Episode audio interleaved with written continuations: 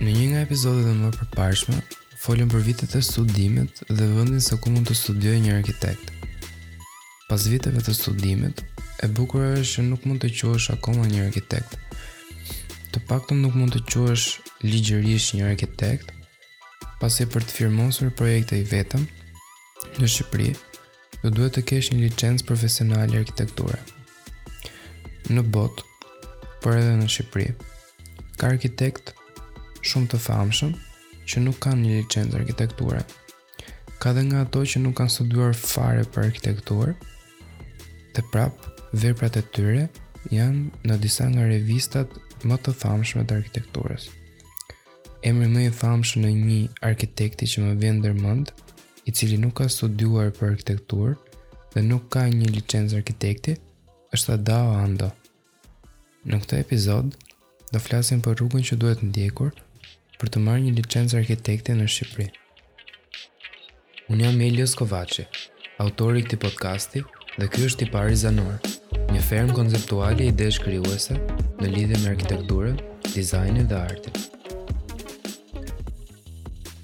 Për t'u licencuar si arkitekt në Shqipëri, Në kohën e publikimit të këtij podcasti në vitin 2021 do të kesh një diplomë në një universitet arkitekture brenda vendit ose jashtë. Koha e studimit për të përftuar një diplomë arkitekture është 5 vjet. Në disa raste është 3 vite plus 2 vite master shkencor, dhe në disa raste të tjera është 5 vjet. Të dyja rastet në eksperiencën time kanë treguar që janë e njëjta gjë. Në rast se ke studiuar jashtë, diploma duhet përkthyer në gjuhën shqipe.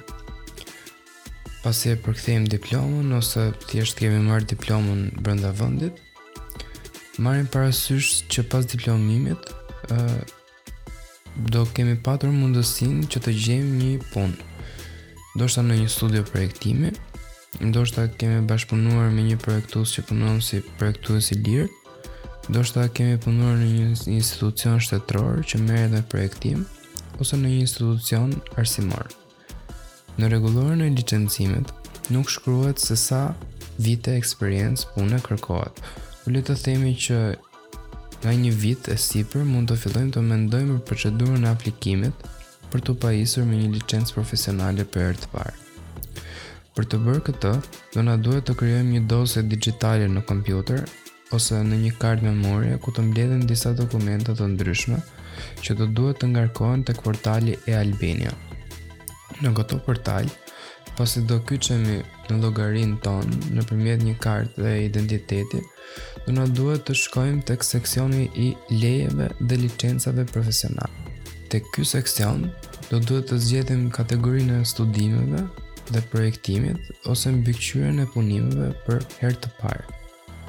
Pasi të lexoni informacionin që afishohet në këtë faqe, do futemi tek pjesa ku duhet të ngarkohen dokumentat e skanuara. Por le të flasim për këto dokumenta nga tani në vazhdim. Dokumenti i parë që duhet të ngarkojmë është diploma e arkitekturës.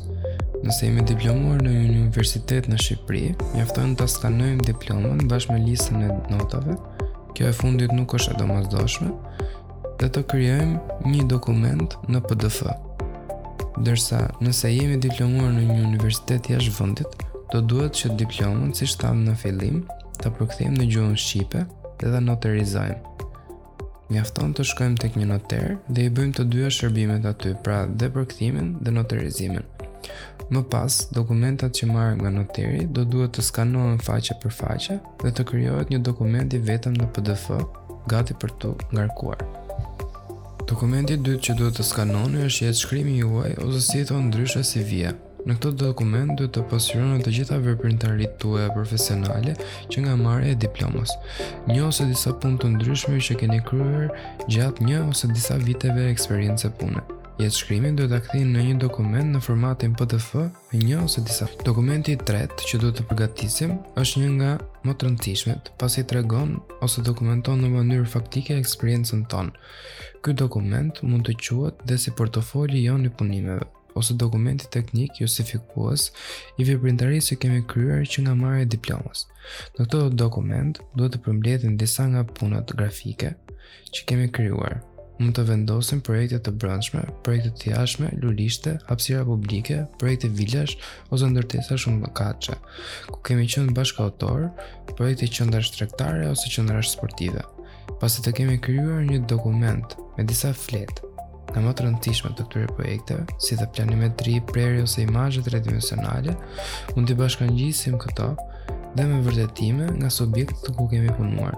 Në këto vërtetime, mund të dëshmojnë institucionet ku kemi punuar se vizatimet që po paraqesim janë kryer nga ne.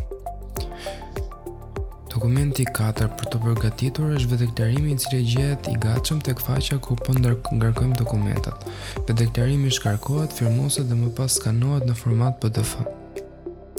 Dokumenti i fundit që duhet të skanuar dhe hedhur në sistem është pagesa e faturës që është 150 lekë të vjetra, e cila depozitohet në bankë dhe fleta e faturës së paguar skanohet dhe ngarkohet si PDF brenda portal. Pasi kemi skanuar të gjitha këto dokumenta, mund t'i ngarkojmë në portal dhe për 35 ditë do kemi mundësinë që të marrim licencën pasi uh, komisioni që mblidhet për të dhënë licencat mblidhet çdo një muaj. Nëse dhe ti si unë ke një ide për një podcast të shkurtër në lidhje me arkitekturën, dizajnin dhe artin, na shkruaj tek adresa jonë e emailit Info at tipar.al ose në çdo platformë sociale që kemi në Instagram, Facebook ose Twitter. Regjistrohuni tani në kanalin tonë që të përditësoheni me epizodet e reja në çdo kohë, ose na ndiqni në Instagram tek Tipar Architects ose në faqen tonë të internetit tipar.al.